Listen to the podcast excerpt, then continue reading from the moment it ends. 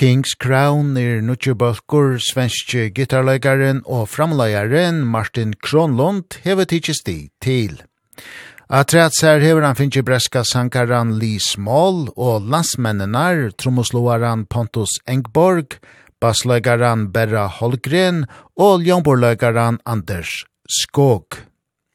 Kings Crown kom 13. oktober vid debututgave syne Closer to the Truth. Og i hesson samband i hau vi finnes jo året av stånaran Martin Kronlund. Kronlund er en ekvelia røntor, tånleggare og framleggare som hever lotidig av iver hundra utgavon. Oj, den är lång. Den är väldigt lång. Man kan väl säga som så här att det började med ett band eh, som heter Gypsy Rose Eh, det var redan på 80-talet. Och eh, sedan blev det ett band som heter Dogface med Mats Levén och och eh, sedan spelar vi in eh, en platta med Brian Robertson från eh, Thin Lizzy eh, med Mats Levén på sång. Och efter det så blev det bara ringa på vatten Sweden Rock Magazine de uh, intervjuade mig för ett tag sedan och hade rotat fram att ja, jag har tydligen spelat på över 100 skivor nu. Wow. Ja, det är allt från Fenomena och där är jag med på ett par plattor och sen har jag spelat med Mike and Mechanics, eh, Genesis-gubbarna, spelat gitarr och eh, varit med och producerat och jag mixar ju och sånt rätt mycket också. Ja, det har blivit väldigt många kan jag säga.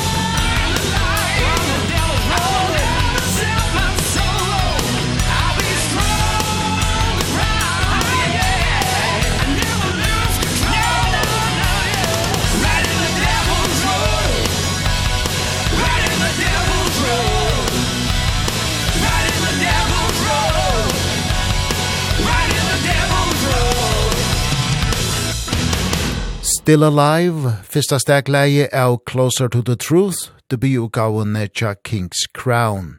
Ein utgava møvløyke vera at okna sær 13. oktober.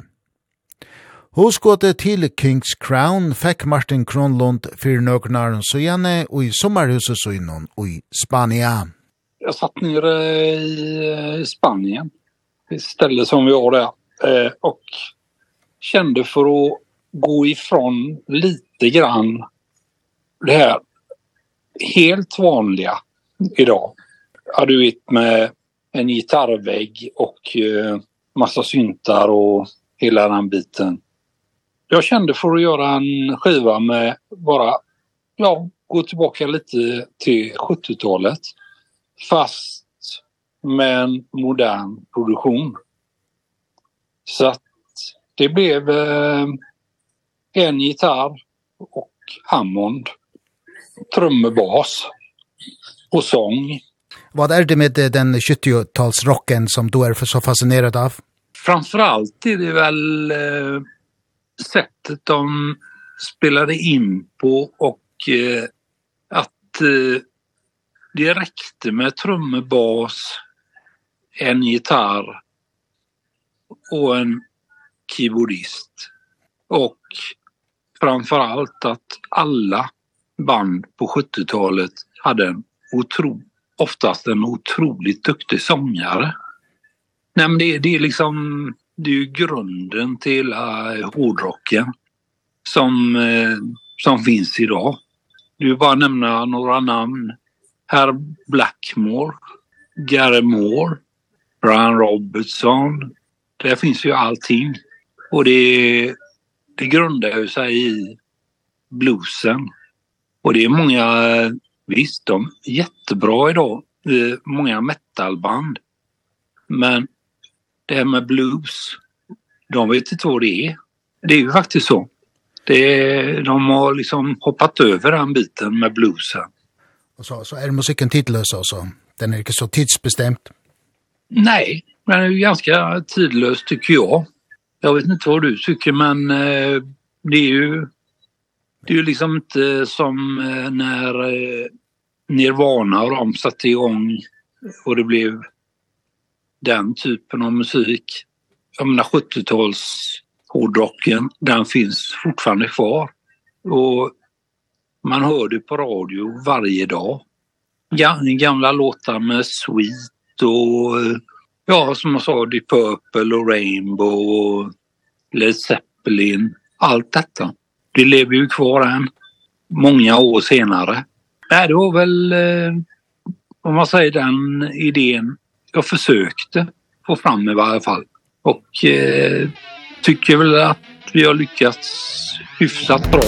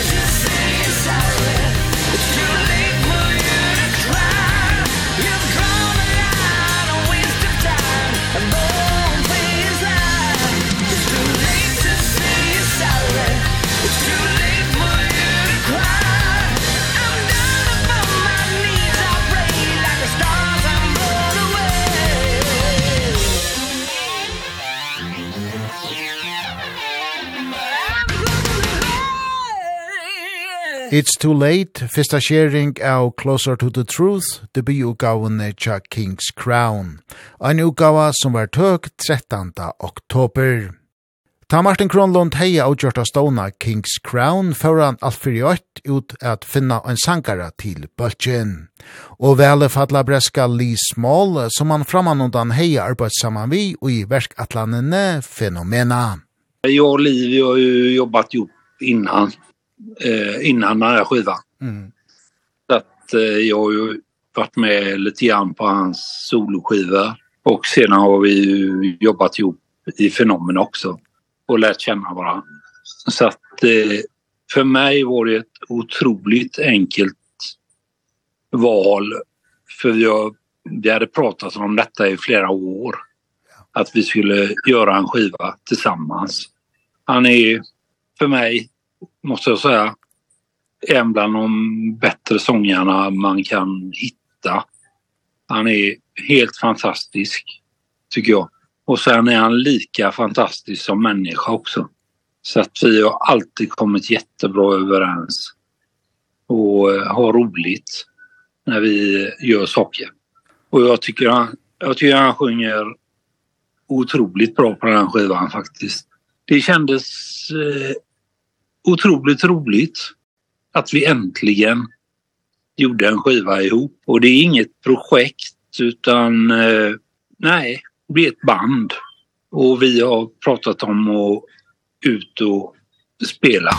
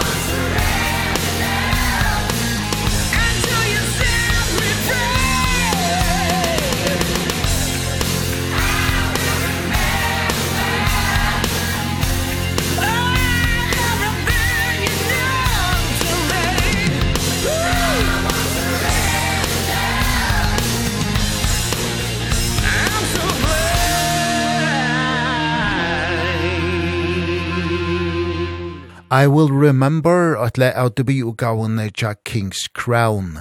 Closer to the Truth var utgiven 13. oktober. Vi tåsa og i kveld vi Martin Kronlund, stånaran av just King's Crown.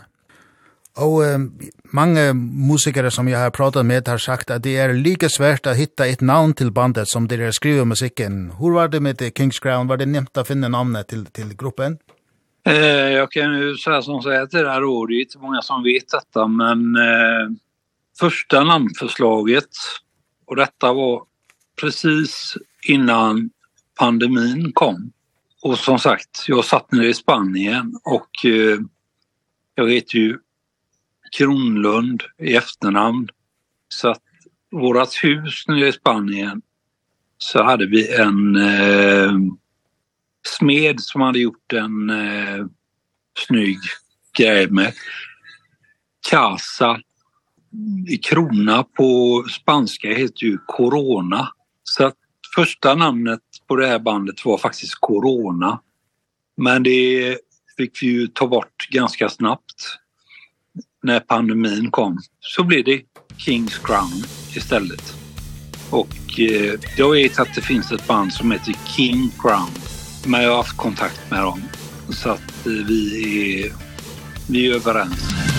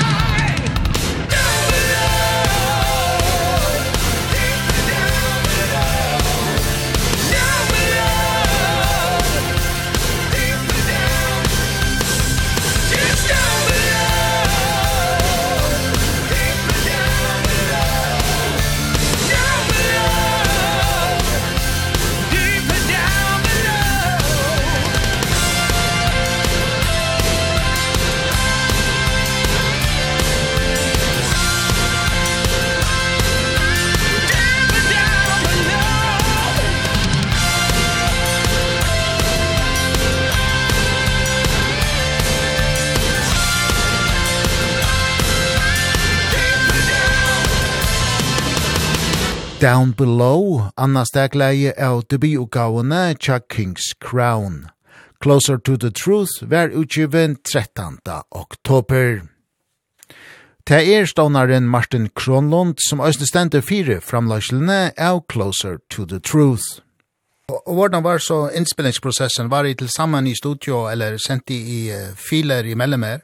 Vi försökte att spela in så mycket som möjligt. Uh tillsammans. Eh, inte alla, men eh, framförallt trummebas är väldigt, och det är nog nästan alla låtar eh, inspelade tillsammans, att de spelar tillsammans då.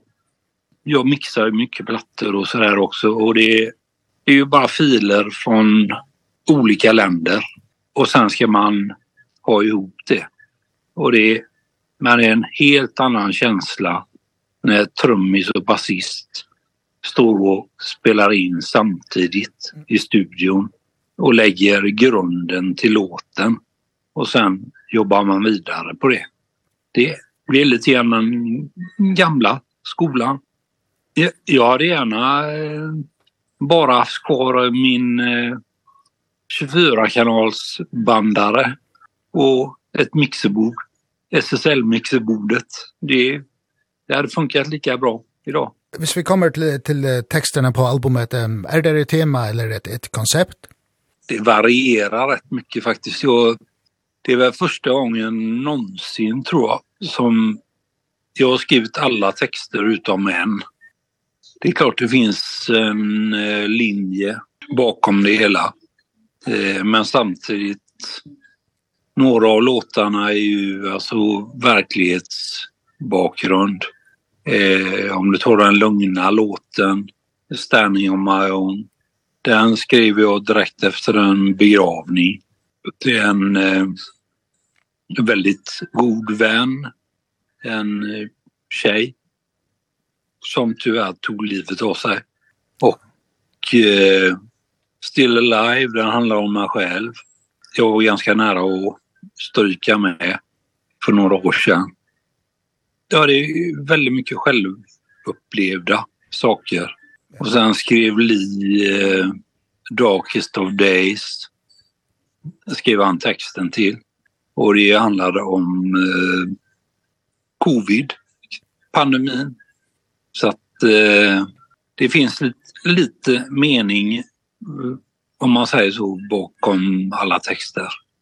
Och det är klart eh, Vi har varit med några år och då finns det många historier att berätta. Både glada och lite tråkigare. Så, så kan man nog sammanfatta det tror jag.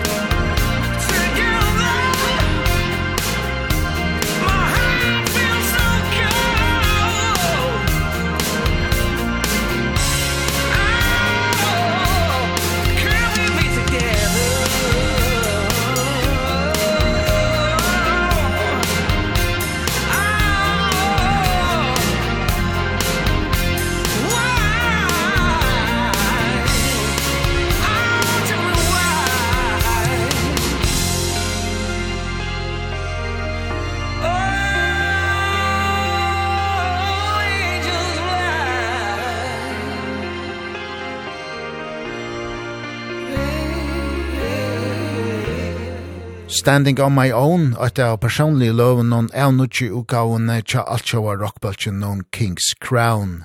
Debututgava Torra, Closer to the Truth, hver tøk 13. oktober. Standard her til Martin Kronlund, så er King's Crown ikkje best ein studioversk atlan, men en bølgur som vit anna fyrir framtøyne, få målaga at oppliva live. En er og tog ikke nægrar konserter fastlagdar til sankaren Lee Small, er bunden vi oppgavon vi legendariska bøtjenon Sweet, som han òsne spiller vi oi. Ja, nu har Lee, han har fulgt upp uh, hela hösten med Sweet. Så att de kör varje fredag, lördag, hela vägen fram till jul. Så att uh, det är lite svårt att få ihop det nu. Men eh, nej, nej, vi har pratat om eh, våren och eh, försöka ge oss ut lite grann. Och jag, nej, det var väldigt bra kontakter med Sweden Rock och Vacken och vi spelat på de, alla de här festivalerna innan. Så att eh, någonting ska vi nog hitta. Och vad, vad med dig själv, du är en busy man. Är det flera projekt i, i Stöpesken? som det är nu så är det ju Kings Crown men håller även på och skriver låtar för fullt till en Gypsy Rose-platta till faktiskt. Men eh, annars så har jag liksom bestämt mig lite grann för att eh, jag vill hålla mig med de om man säger egna banden för att eh, det har blivit så fruktansvärt mycket eh, olika som man har varit med på. Jag vill faktiskt inte göra det längre. Jag vill satsa på det som ligger den närmast om hjärtat. Så att eh, förhoppningsvis så blir det en gipsrosplatta till framigenom här. Vi har skrivit klart halva plattan nu i alla fall. Ja, och sen eh, jag och Li har redan pratat om ytterligare en Kings Crown för nästa år.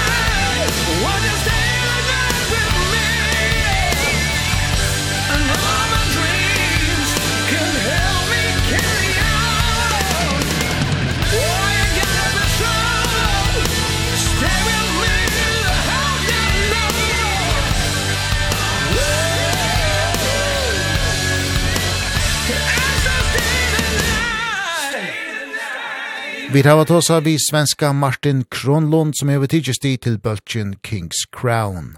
Vi tosa vå om nutje uka av torra Closer to the Truth som var tøk 13. oktober. Vi spalte oisne fleste løyen i av oss første røntene tja King's Crown og nu til seinast hårdu vi leie Stay the Night.